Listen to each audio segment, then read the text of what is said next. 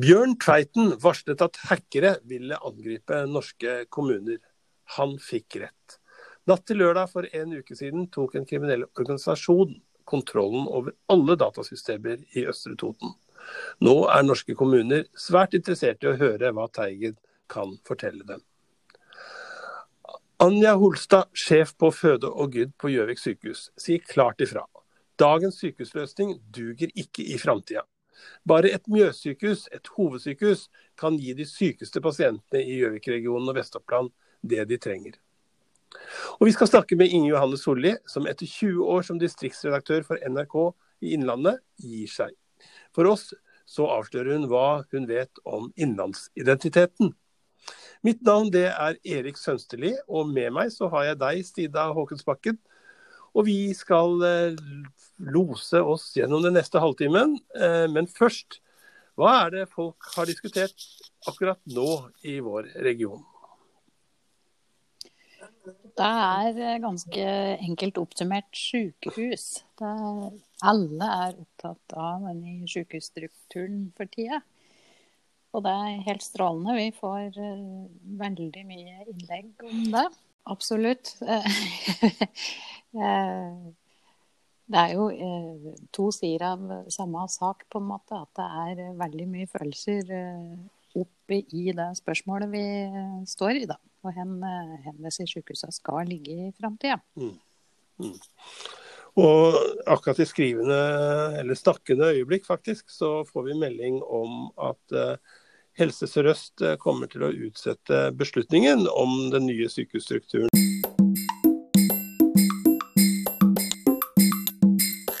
Vær forberedt på å bli hakket. Det skrev uh, du, Bjørn Tveiten, i fjor høst på en nyhetsartikkel på hjemmesiden til Kommuneserten, som står for altså Nasjonalt senter for informasjonssikkerhet for kommunesektoren vår. Og natt til sist lørdag så gikk det vel troll i ord. Da ble alle systemer kapret av kriminell organisasjon. Ingen vet hvor det holder til. Eh, I Østre Toten. Eh, Bjørn Tveiten, du er leder for, eh, for Kommuneserten. Hvor, hvor godt vil du si norske kommuner er forberedt på å møte trusler av denne, denne typen? Jeg tror eh, norske kommuner er vel antageligvis like forberedt og uforberedt som gjennomsnittet kanskje av norske virksomheter. Eh, og kanskje til tider litt bedre enn gjennomsnittet for norske virksomheter. Det er ganske god fokus på sikkerhet i, i Kommune-Norge. Eh, men det er veldig mange kommuner, det er 356 av dem. Og de har eh, veldig forskjellige både ressurser og forutsetninger for å på en måte sikre seg i, eh, i alle mulige, mot alle mulige slags eh, angrep. Så det svaret er vel at det varierer. Men det er nok det er mye godt, godt arbeid som gjøres ute i kommunene på dette her. Hvor stor vil du si den trusselen er for norske kommuner? Det er, det er, klart den er stor. Eh, fordi eh, de kriminelle eh, som er ute i, i, denne virksomheten og prøver å hacke seg inn, det har vist seg å være enormt mye gevinster å hente. Og du kan sitte hvor som helst. Det er lite, veldig billige innsatsfaktorer. Du trenger internettforbindelse og en, og en datamaskin. Og jo større og jo mer avansert Eh, den organisasjonen bak er, jo mer penger kan de hente inn. Så dette er en veldig enkel måte å, å, å drive med svindling på. Eh, som sagt, som krever veldig lite eh, ressurser, og som kan gi ganske god, god effekt. Mm. Dere har jo sammen med Nasjonal sikkerhetsmyndighet sendt ut en advarsel. Eh, på bakgrunn av det som hendte på Østre Toten. Der beskriver det litt om metoden og programvaren ikke minst som, som er brukt. og, og, og det peker jo eh, mot eh, det som er blitt kjent som en gruppe som kalles PYSA. Hva vet vi egentlig om den? Eh, vi vet vel ikke så veldig mye, fordi den har vel eh, tidligere den har vært kjent kanskje litt over et års tid. Den, eh, den så, hadde i begynnelsen ikke så veldig mange angrep. Nå har den hatt Eh, betydelig mer. Eh, den går ofte mot, mot offentlige institusjoner, skoler, universiteter og kommuner. Jeg har sett både i, i, rundt omkring i Europa, og også i USA og, og Sør-Amerika. Uh, vi vet ikke hvor de helt holder til. Det kan jo tyde på at det kanskje ikke er engelsk som er deres uh, morsmål. Og, men det kan også være en, en gruppering som er spredt for den saks skyld over hele verden. Vi, vi, er en gruppe som driver med den type dobbel utpressing som regel. Det er det jeg er mest kjent for. det er at de, de og det, de blir også kalt for human operated ransomware. Dvs. Si at de i utgangspunktet finner et, en vei inn og logger seg inn, og så gjør de manuelle operasjoner. Bruker kjente verktøy, som også er, ikke nødvendigvis er skadevare, for å da mm, få oversikt, eh, stoppe antivirus, stoppe beskyttelsesmekanismer, hente ut data. Og så kjører de en eh, kryptering av alt de, de kan kryptere. Uh, og så er jo den vanlige prosedyren at de da krever penger for å låse opp først, og så krever de penger etterpå for å, at man ikke skal spre dataene på, på, nettet. Vi kan vel gå ut ifra at det er noen som ikke leser OA daglig, i hvert fall. Alt vi har skrevet om kommuneøkonomien og hvordan det står til der. Ja. Men hvor mye, mye penger er det liksom snakk om at de krever i slike situasjoner? Ja, det, er, det, varierer litt. Det som, er, det som er sett skrevet, er 10 000 dollar, 100 000 dollar, 1 million dollar. Det, er, det, det varierer veldig. Og det blir jo også sagt, uten at vi altså vi vet jo ikke så veldig mye om denne gruppen, men det er også sagt at de driver med, med utleie av løsepengevirusvirksomhet. altså de, Det kalles for ransomware as a service. Og Det betyr at de de kan hacke seg inn på en, et system, f.eks. Østre Toten, og så kan de si at nå har vi dette systemet. Ønsker dere at vi skal kjøre en, en kryptering og den, kjøre den type operasjon, og så må dere selv sørge for å få inn pengene, f.eks. Um, ehm, og, dermed så ved, og, og, det er jo ting som tyder på her at kanskje uh, vi vet ikke om dette er leid ut eller det er dem selv som har gjort det. Vi, men vi må nesten spørre da Østre Toten kommune om eventuelt pris i, i den forbindelsen her, for det, det aner ikke jeg. Får de prisen oppgitt av den, eller krever det at du må ta kontakt med dem? Eh, normalt sett, det som ligger i denne beskjeden de legger igjen, er at man tar, må ta kontakt på e-post. At kommunen, den som er rammet, må ta kontakt med grupperingen. Mm. Mm. Hva, eh, Eh, hva gjør eh, Hvorfor, hvorfor, i all verden valgte de Østre Toten? Nei, Det er et veldig vanskelig spørsmål.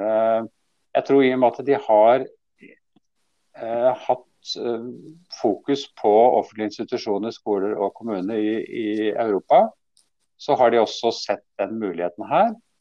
Og så har de ja, Det er ikke godt å si, da, men det kan godt hende de har lett rundt. Og så har de funnet et, en eller annen inngang det er mange måter å, å, komme seg inn på.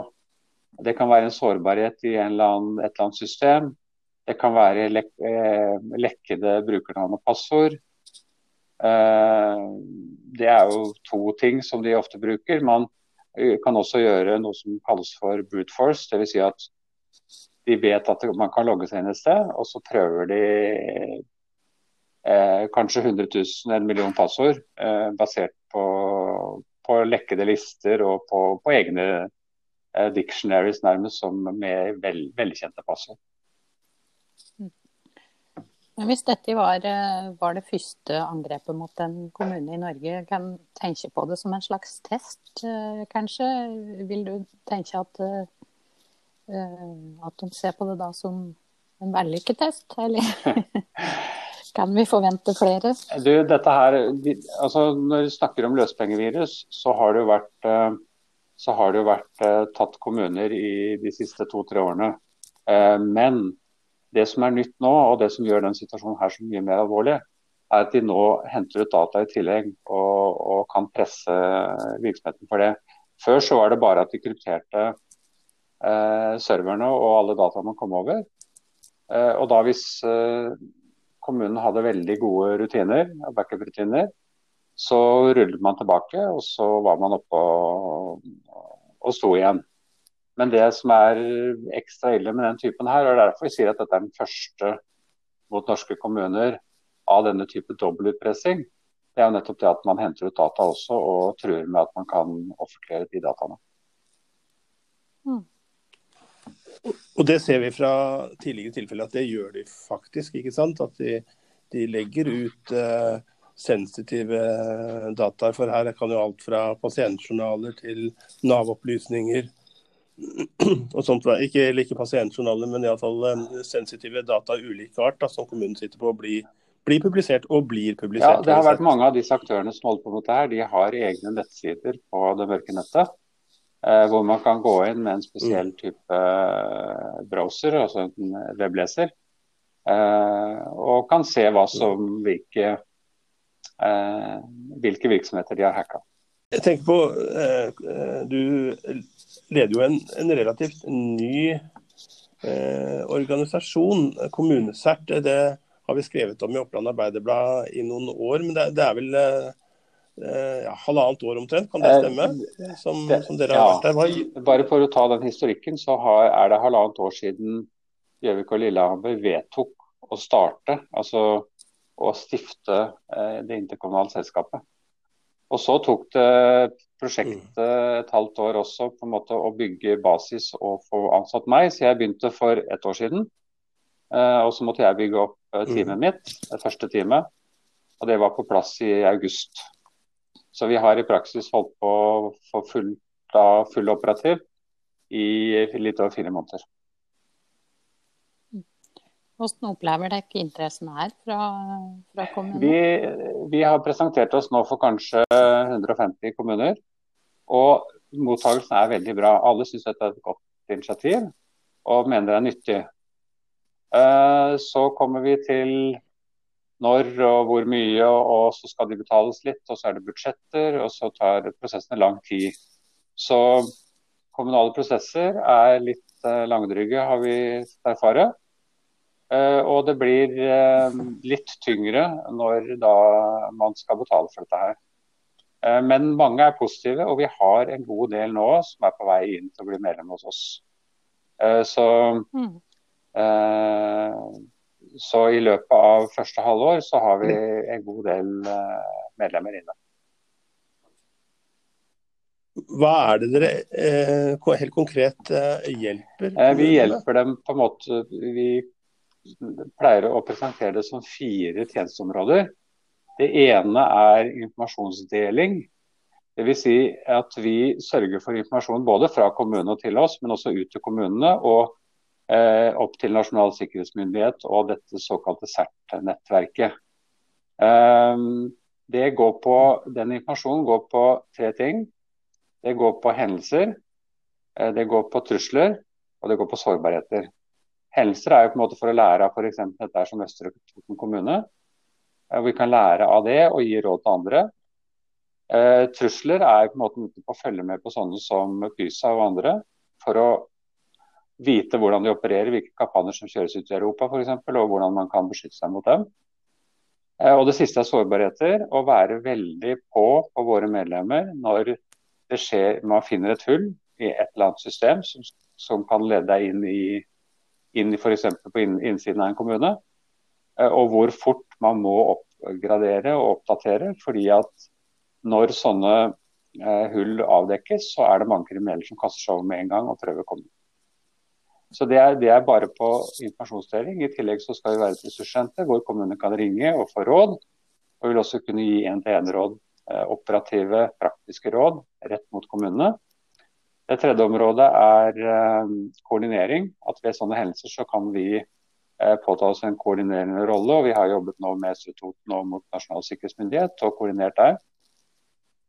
Og Det siste er at vi prøver å følge med litt med på de ressursene som finnes ute eh, hos kommunene. og se om eh, er det f.eks. noen IP-adresser som blir utnyttet. Altså Disse kriminelle de lager seg brohoder rundt omkring i Norge og bruker disse brohodene til å kommunisere inn mot, uh, mot uh, ofrene. Og, og, sånne brohoder prøver vi å ta ned. og Vi lykkes med å tatt ned et par-tre stykker som, som uh, har vært til skade for, for hele det norske samfunnet. Så det er på en måte de fire tjenesteområdene vi, vi jobber med.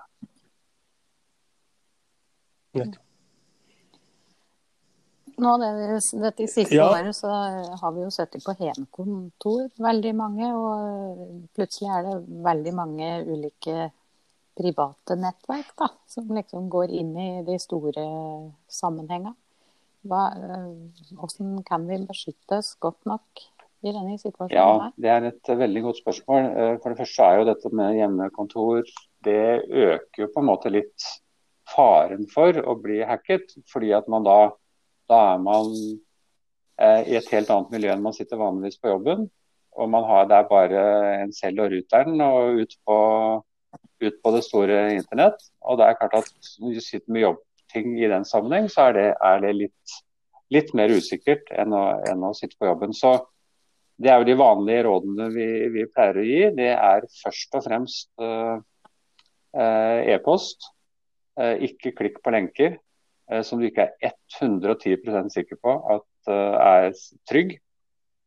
Og ikke svar ja til å aktivere innhold i vedlegg. Eh, det er en kjent metode, for når du aktiverer innhold, det betyr rett og slett at det ligger kode i de dokumentene eller det vedlegget du har, som begynner å eksekvere. og det, Da kan det laste ned skadevarer uten at du ser noen ting. Og Dermed så er PC-en infisert.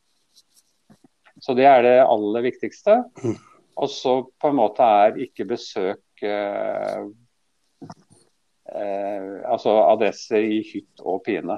Eh, når du har på hjemmekontor, så holdt jeg på å si jobb med det du skal med, jobbe med.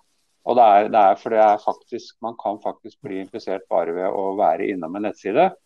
Eh, men selvfølgelig ikke, det er ikke vanlige eh, offisielle nettsider som er, er kjent. Eh, men det er derfor jeg sier også at ikke klikk på lenker heller på en e-post. E fordi det er noe som heter drive-by compromise. altså Du kan rett og slett bli, bli hacket bare ved at du eh, trykker på den lenka. Det kan være nok.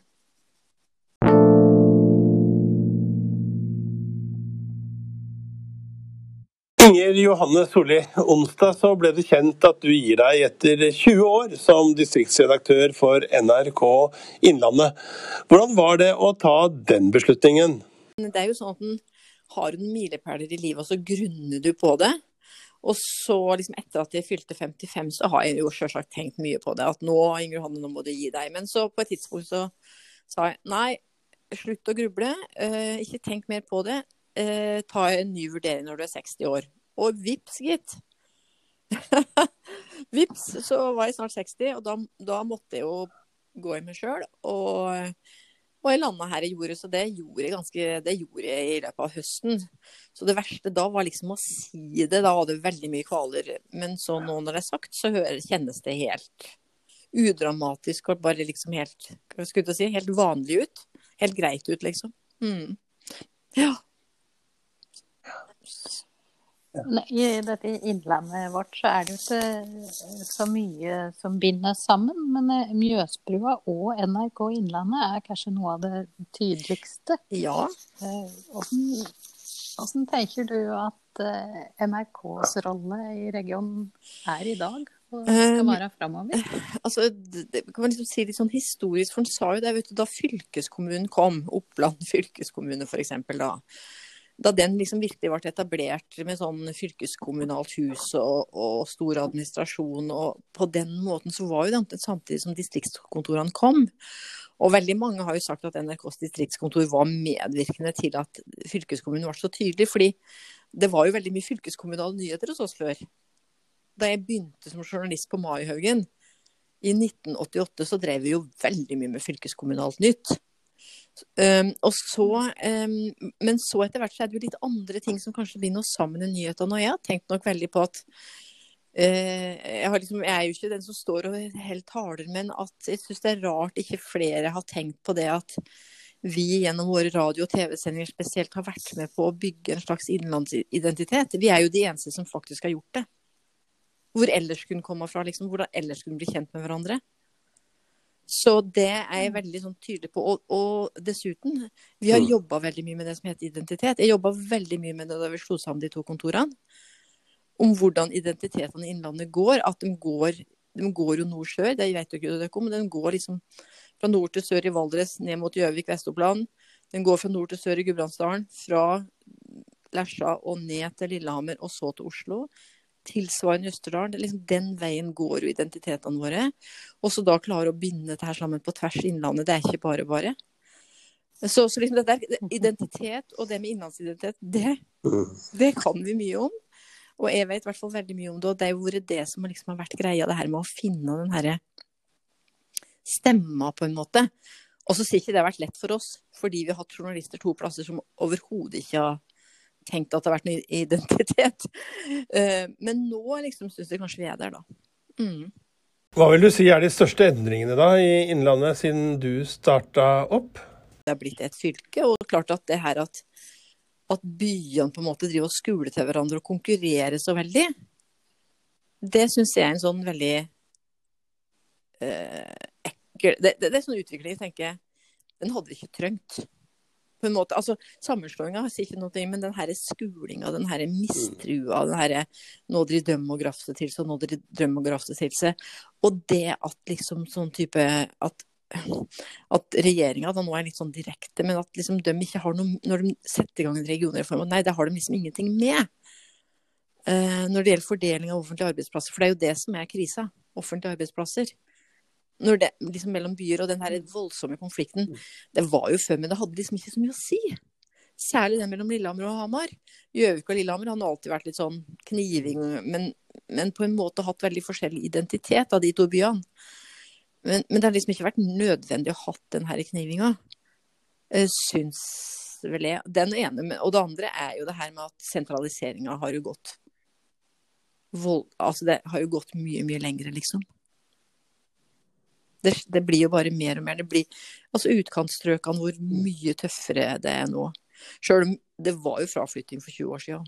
Og kanskje en slags kunstig oppsving da, med innvandringa, men nå liksom så er det jo virkelig ryggen mot veggen. Ja. Mm. Jeg syns det er veldig spennende dette her med innlandsidentiteten. Ja, hva er hva Eh, hovedfunnet? Nei, hva er hovedfunnet? Erik og jeg snakka litt om det her om kvelden. Eh, men eh, altså det, du, kan liksom snakke, du, kan, du kan snakke om en væridentitet, og så kan du snakke om en gjøreidentitet. Og være, det er jo den vi er, ikke sant. Du er gudbrandsdøl, eller du er totning, eller du er valdris, eller eh, hedmarking, eller østerdøl, ikke sant. Men Eh, og de identitetene har jo vært veldig viktige for folk, og det, det, skaper jo bygdekrangler og all slags krangler. Men så kan du jo også snakke om gjøridentiteten, det vi gjør sammen, da. Ikke sant? Og, der kan du finne, mm. finne, mye som er likt. At folk i Innlandet går på ski og eh, bader i Mjøsa og eh, Altså, den gjøridentiteten blir kanskje veldig lik. Eh, har ganske like arbeidsplasser, like fritidsinteresser like utfordringer i livet sine. Og da kommer jo nyhetsdekning, at du kan gjøre den sånn at eh, folk kan kjenne seg igjen. Men når det gjelder sånn væridentitet, sånn liksom hvem vi er, så kan du jo tenke på sånne fellesnevnere som Alf Prøysen i år, Kjell Aukrust, altså jeg sier rakfisk, musikk. Men òg dialekter, at vi snakker forskjellige dialekter, og liksom alle hører i en slags Innlandet, da, som er liksom mye bygder, da. At alle har en bygdeidentitet, f.eks. Mm, så det er, mange, det er, mange, ting man kan diskutere rundt det, da, men, eh, men det er liksom hele tida å ha litt sånn bevissthet rundt det. Vi snakker jo ikke mye om det i, NRK, liksom, men, men, men det ligger noe litt under når de evaluerer f.eks. radioprogramlederne våre. Men hva tenker du om oss avisene, da? Vi dekker hver vår teig, kan du si, men tar kanskje ikke i like stor grad eh, ansvar for hele Innlandet? Men dere har jo òg et oppdrag. Så vi har kanskje forskjellige oppdrag. Men det er klart at det blir litt eh, Hva skal jeg si Det som vi selvsagt gjør mindre av nå, og som mange beklager, er jo å dekke den herre eh, Hva heter det? Den herre offentlige samtalen. Altså dekke fylkeskommunen, altså dekke fylkeskommunen, det vi gjør. Dekke kommunestyrer, dekke de tingene der. Eh, og det har jo vært problematisk for oss i NRK. Vi har ikke hatt anledning til å gjøre det. Og det, mhm. og det er mye av det Det funker på en måte ikke et sånn moderne mediespråk heller. Dette vet dere jo alt om, hvordan en forteller historie. Eh, så, så vi har jo kanskje litt ulike roller, og vårt oppdrag har jo blitt mer og mer nasjonalt. Det var det, og så ble det en periode da det regionale tok mer og mer tid, men nå er det mer nasjonalt igjen. Så der har vi jo etter hvert kanskje mer og mer ulike roller. Så jeg skjønner jo på en måte dere òg. Dere skal òg bygge en slags, et slags fellesskap i deres region, men det er kanskje å være litt obs på at også deres lesere kan synes det er å gå for langt. Altså, Jeg liksom merket på Hamar f.eks. Det var sånne aksjoner for nei til sykehus på Mjøsbrua. Plutselig var det aksjoner igjen. Og da var det jo folk på Hamar som sto fram og sa nei, nå må vi jammen gi oss. Altså skjønner du at, at noen av og til må gjøre sånne ja. Mm. Men hva syns du er de store endringene i medieverdenen, da? De som peker seg ut for deg? Folk har slutta å se, bruke TV som sitt viktigste, TV og radio som viktige nyhetsmedium. Det er jo kjempe, kjempeendring for oss i NRK. Vi hadde en, en mm. stor sånn dag om strategier i går eh, for hele, alle lederne i NRK, eller for hele NRK for, for så vidt. Um, og det er klart at det radioen som viktigste nyhetskilde er jo liksom helt ute. Radioen den er, det er liksom tilbake til å være det gode følget, det hyggelige selskapet, men å bli oppdatert, ikke sant. Og så er det at noen få som hører på P2, der du får liksom de grundige nyhetene da. Uh, og TV, TV-reportasjen er jo verdens jeg sier det til folkene mine som sørger over det. TV-reportasjen verdens mest fantastiske måte å fortelle en nyhet på. Men folk vil ikke ha det lenger. Altså, eller folk har sett nyheten på mobilen. Mm. Så det er jo dette er jo, altså det har jo vært tøft for papiravisa nå. Men det her er nedgangen i lineær TV, som for, for, så vidt har fått en oppsving igjen nå, men Dagsrevyen får en oppsving nå med at du kan legge av det sånn at folk kan slå Dagsrevyen når de sjøl vil, da. På, I spilleren, ikke sant. På NRK TV. Men, men liksom nedgangen i den her lineære TV-kjøringa er liksom mm. Det er voldsomt, altså. Men, som det er litt sånn kunstig oppsving nå med korona nå, at folk, flere folk sitter inne, og det har vært store hendelser, og at folk samler seg rundt NRK og ser da. Men liksom det er daglig, sånn som Og så er det jo vi, Målinger viser det er jo bare folk over 50 som ser oss på TV nå. Det er fælt å si det, men jeg må bare innrømme det. Mm. Møter de deg da, liksom? Hva er strategien? Nei, strategien er jo å flytte stoffet over på mobil og nett og jobbe med det. Men med utgangspunkt der vi er, at vi skal levere det nasjonalt. Skal jo til nrk.no. Og at vi må øh, bruke de fordelene vi kan med å, at vi kan å filme og fortelle historier med bilder. Og så må vi fortsatt stå i begge leirer. Vi må fortsatt klare å lage radiosendinger og TV-sendinger, men uh, med mindre ressurser, sånn at vi har flere folk som kan jobbe inn mot de nye mediene, mot mobilene. Så på radioen så er jo programleder og produsent, og kanskje nyhetsvakta, ganske aleine. Å lage de tre timene de har på morgenen og ettermiddagen, f.eks. Ja, Inge Johanne, vi, vi jobba jo sammen vi, på 80-tallet i Nasjonen. Og du var den drivende, dyktige nyhetsjournalisten, eh, vaktsjefen, og hadde den særlige forståelsen for det som rørte seg i Distrikts-Norge. Nå sies det om deg at eh, lederen skal eh, bli journalist igjen og skrive. Nasjonen, Jeg var jo sånn de kalte å kalle meg nasjonjente, vet du. Nasjongutt, nasjonjente. Og det er jo, føler meg veldig som en sånn nasjonjente på en måte. Altså det her med veldig engasjert i det som skjer i distriktene. Og så er det klart det er større krav til hvordan en skal fortelle historien og finne de berørte og sånn. Jeg, jeg, tror nok, jeg håper at jeg skal klare å bringe stoff fra det feltet eh, som jeg kan klare å skrive sånn at folk blir engasjert. For det er klart at Sjøl Selv om jeg kommer til å si at ja, jeg skal bli ringt til når det er utrykning, så er det, er det ikke sikkert det er meg de ringer først til. da. Så for, For det er jo moro å rykke òg, men, men, jeg tror nok at, det, at, du peker på akkurat et felt som jeg har lyst til å, å gå litt grundigere inn i, da.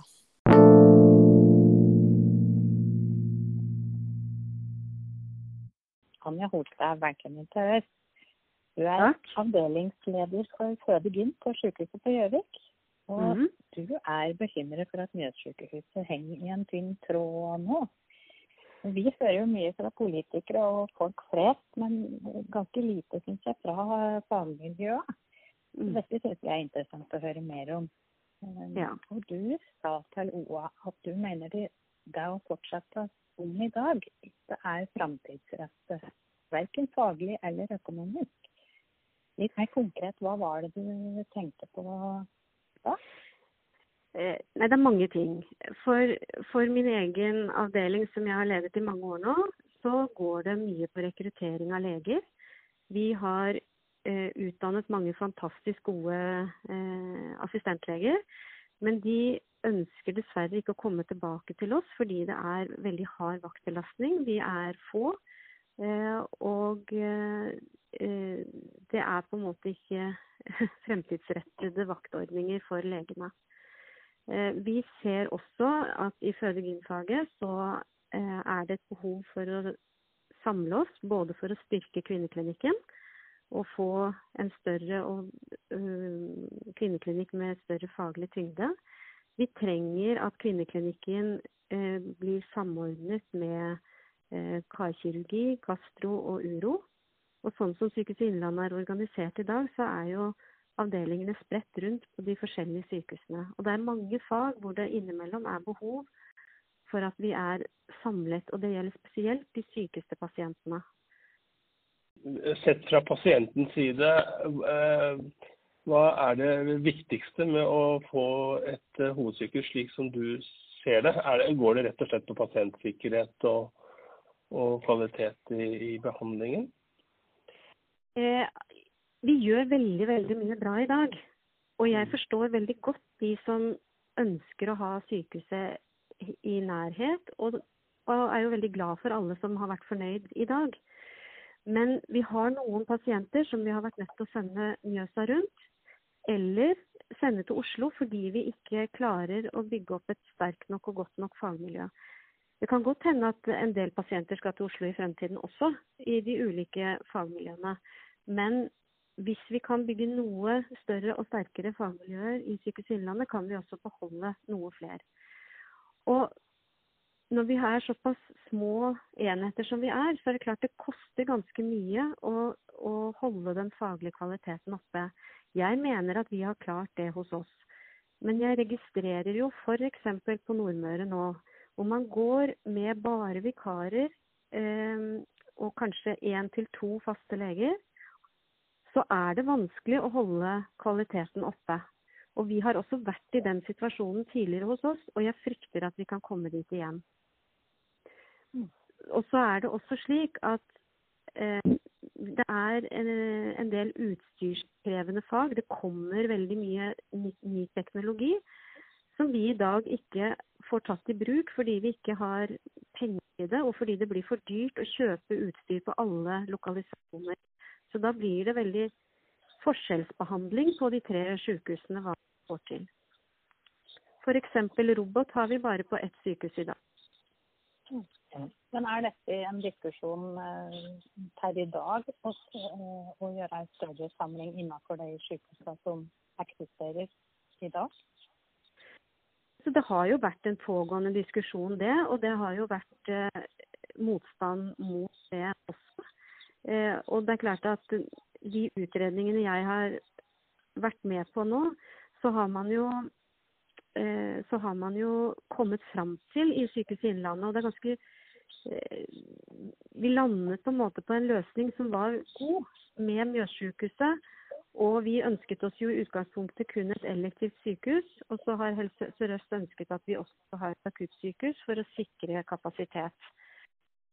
Men men da får vi utnytte ressursene på en bedre måte. Og i noen fag så er det nok enklere å spre seg, sånn som f.eks.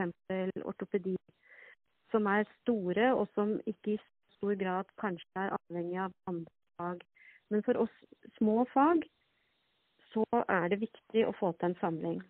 Og i utredningene så var vi helt samstemte, vi som eh, jobbet med eh, føde og inn og barn, om at vi ønsket å samarbeide om Mjøssykehuset.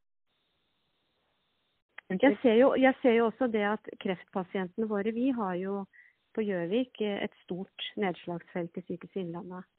Men nå har man jo valgt da å legge eh, cellegiftbehandlingen for gynkreft til Lillehammer. Mens vi fortsatt opererer hos oss, og vi følger opp pasienter og vi utreder pasienter. Men det er viktig på en måte å få samlet ting. Og for noen av våre pasienter så er det jo i dag da enda lengre reisevei enn det vil være når vi får Mjøssykehuset.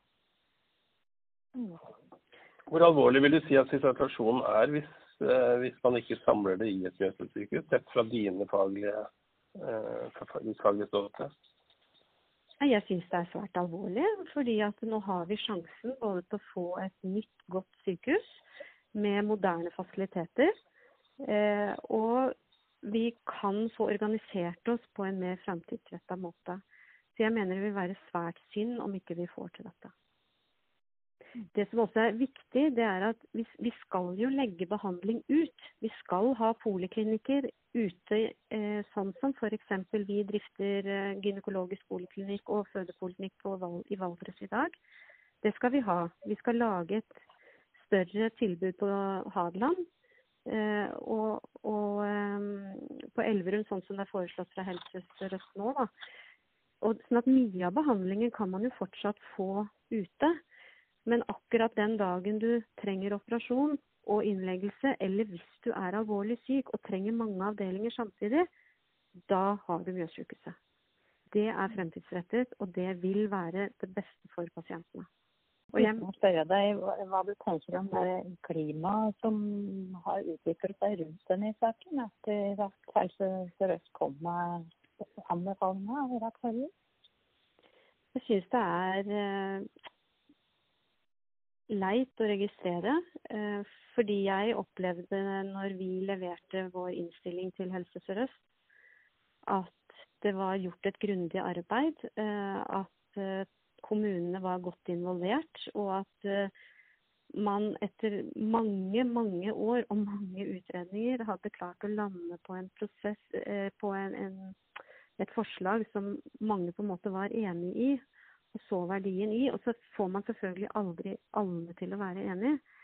Men jeg opplevde jo at det var en ganske stor enighet nå om hvordan dette kunne være. Så jeg, jeg syns det er leit å registrere den motstanden som på en måte øker igjen nå. Og jeg, for meg så er det verst tenkelig utfallet at vi ikke får gjort noen ting og ikke får realisert Mjøssykehuset. Da vil vi fortsette med fragmentert tilbud til våre pasienter, og mange som må reise rundt omkring på sykehusene, og hvor vi ser at ting glipper. Når man leser eh, rapportene om eh, sykehusstrukturen Innlandet, så er rekruttering et betydelig, betydelig tema. Rekruttering av leger er du opptatt av? Det er svært vanskelig å rekruttere leger til små avdelinger. Eh, vi har i perioder vært i den situasjonen vi er på Nordmøre nå. Og eh, nå er vi for tiden fullt bemannet, men vi har jo måttet rekruttere via rekrutteringsbyrå fra utlandet. Eh, vi har alltid vært avhengig av vikarer, og det vet vi er en sårbar situasjon. Så det er veldig viktig at man får styrket miljøene så vi blir et større fagmiljø som er attraktivt og hvor vi klarer å rekruttere leger. Og Du mener at det går ikke hvis vi fortsetter en sykehusstruktur med, med flere mindre sykehus, da, som enkelte tar til orde for? Nei, det, det, er helt klart. Det, det er klart at jeg jeg mener som sagt at vi har klart å drive faglig forsvarlig, men det er veldig utfordrende med den bemanningssituasjonen vi har hatt i perioder. Mm. Ser de alltid har avhengig av vikarer? Eh, for å få avviklet forsvarlig ferie fram til vi nå har hatt sommersamarbeid med Lillehammer, da har vi jo hatt eh, vikarbruk. Men før det så var vi alltid avhengig av vikarer for i det hele tatt å klare å avvikle ferie og få kabalen til å gå opp. Det er grenser for hvor mye du kan pålegge hver enkelt å gå i vakt. Mm. Og så vet vi at å ha vikarer inne som ikke er eh, kjent nødvendigvis, eh, som ikke eh, er vant til å øve sammen med oss på akutte situasjoner, det utgjør en risiko. Og vi er et fag med, med mye akutte situasjoner. Reiseavstander eh, er jo også et tema i forbindelse med sykehusstriden. Både for pasienten og for eh, legene. Det er jo noen som får svært lang reisevei til sitt eh, hovedsykehus. Jeg forstår også at i Nord-Norge, hvor vi snakker om reiseavstander på eh, opptil åtte-tolv timer for å, for, å, komme seg til nærmeste sykehus, så må man tenke litt annerledes når det gjelder beredskap. Men i Sykehuset Innlandet så er det ikke snakk om disse reiseavstandene.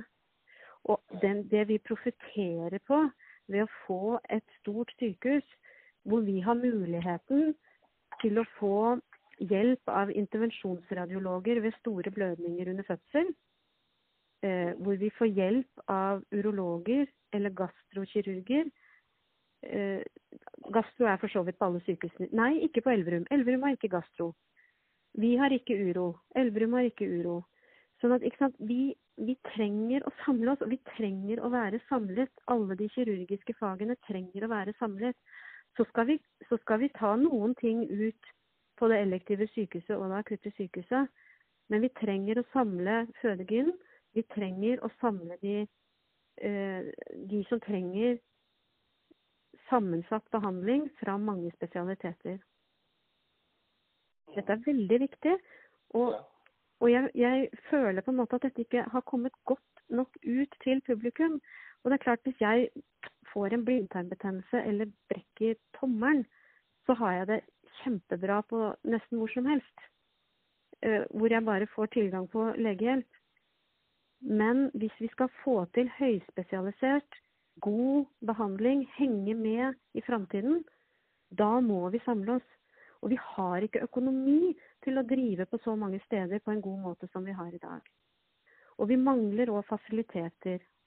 Vi trenger å få toaletter og dusj inn mot hvert pasientrom. Man skal ikke måtte gå på gangen for å gå på do. Vi må ha Mjøssykehuset.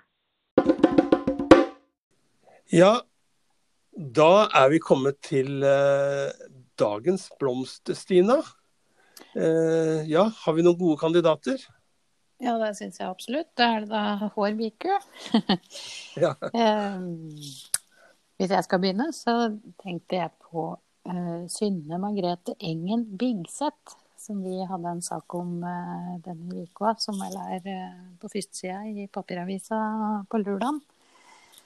Hun eh, forteller åssen hun da hun var elleve, ble lurt av en serieovergriper fra Gjøvik-regionen.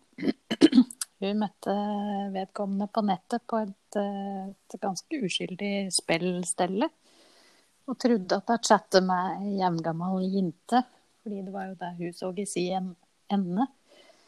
Men det viste seg å være en mann i 50-åra som eh, eh ja, han ble dømt av tolv års forvaring faktisk, for å ha forbrutt seg mot over 100 barn og unge med slike overgrep. Som vi vet er veldig økende, og som det nå diskuteres eh, bedre virkemidler for å eh, få tid, rett og slett. Eh, inntil videre så tenker jeg at det er flott at jenter som henne står fram og viser at du ikke er alene om å havne i en slik situasjon, og at det nytter å si ifra. Ja. Sterk sak. Og, og NTNU-miljøet er jo eh, opptatt av å utvikle eh, systemer faktisk som kan avsløre disse overgriperne da, som, som utgir seg for å være andre på, på nettet, faktisk. Ja, jeg har også en kandidat, Stina. Mm. Vi hadde, vi hadde en, en, ordførerkandidat eh, i OA-podden for uh, før, før, siste valg, Bror Helgestad på Østre Toten, og snakket med han om, om ja, hvordan de neste fire åra i Østre Toten ble med han som, som, ordfører. Jeg tror det, Stina, at det ikke ble helt sånn som han så for seg da. For han har hatt det tøft. Ja, det har vært ganske bratt, eh, starten på denne ordførerperioden hans, ja. Det har vært eh, Ja, vi nevner det i fleng. Det har vært veldig strid om Fjellvoll. Koronaen, ikke minst. Altså Den budsjettprosessen har vært tøff. Koronaen har vært tøff. Og så kom altså denne, dette dataangrepet, som jo er helt utrolig. At, at eh, man kan ta kommandoen over en hel kommune og nesten 15 000 menneskers eh, ja, På en eller annen måte så er nesten 15 000 mennesker berørt av det eh, på en eller annen måte. Av at, og avhengig av at de datasystemene i kommunen fungerer. Mm. Så jeg, har, jeg, syns, jeg syns bror Helgestad fortjener en, en blomst, Stina. Ja, en liten oppmuntring inn i helga nå, det tror jeg. Det tror jeg vi får sende han, og, og også alle uh, hans uh, ansatte, eller alle de ansatte som, som står midt oppi det. Og, og som uh, tidligere ordfører Guri Berg Bråten sa, det er som å bli sendt tilbake i fortida når alt foregår på, med penn og papir. Ja, det er vel ikke så veldig mye som, eh, som eh, hender, Stina. Du pleier på å ha stålkontroll på alt eh, hva vi kan foreta oss. Men det ja. har vært en rask jobb denne uka her. Jeg har ikke registrert noe særlig med forespørsler, jeg altså. det er vel, så vidt jeg har skjønt, så åpner de i Hovdebakken.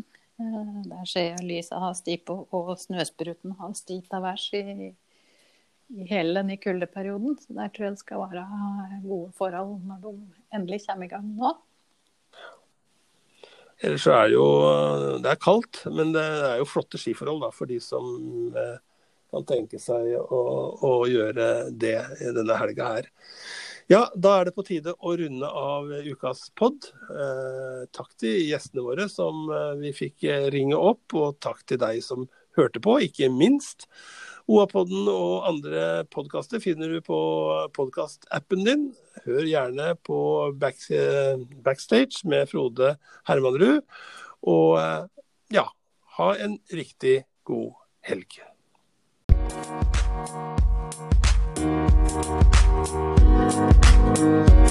Thank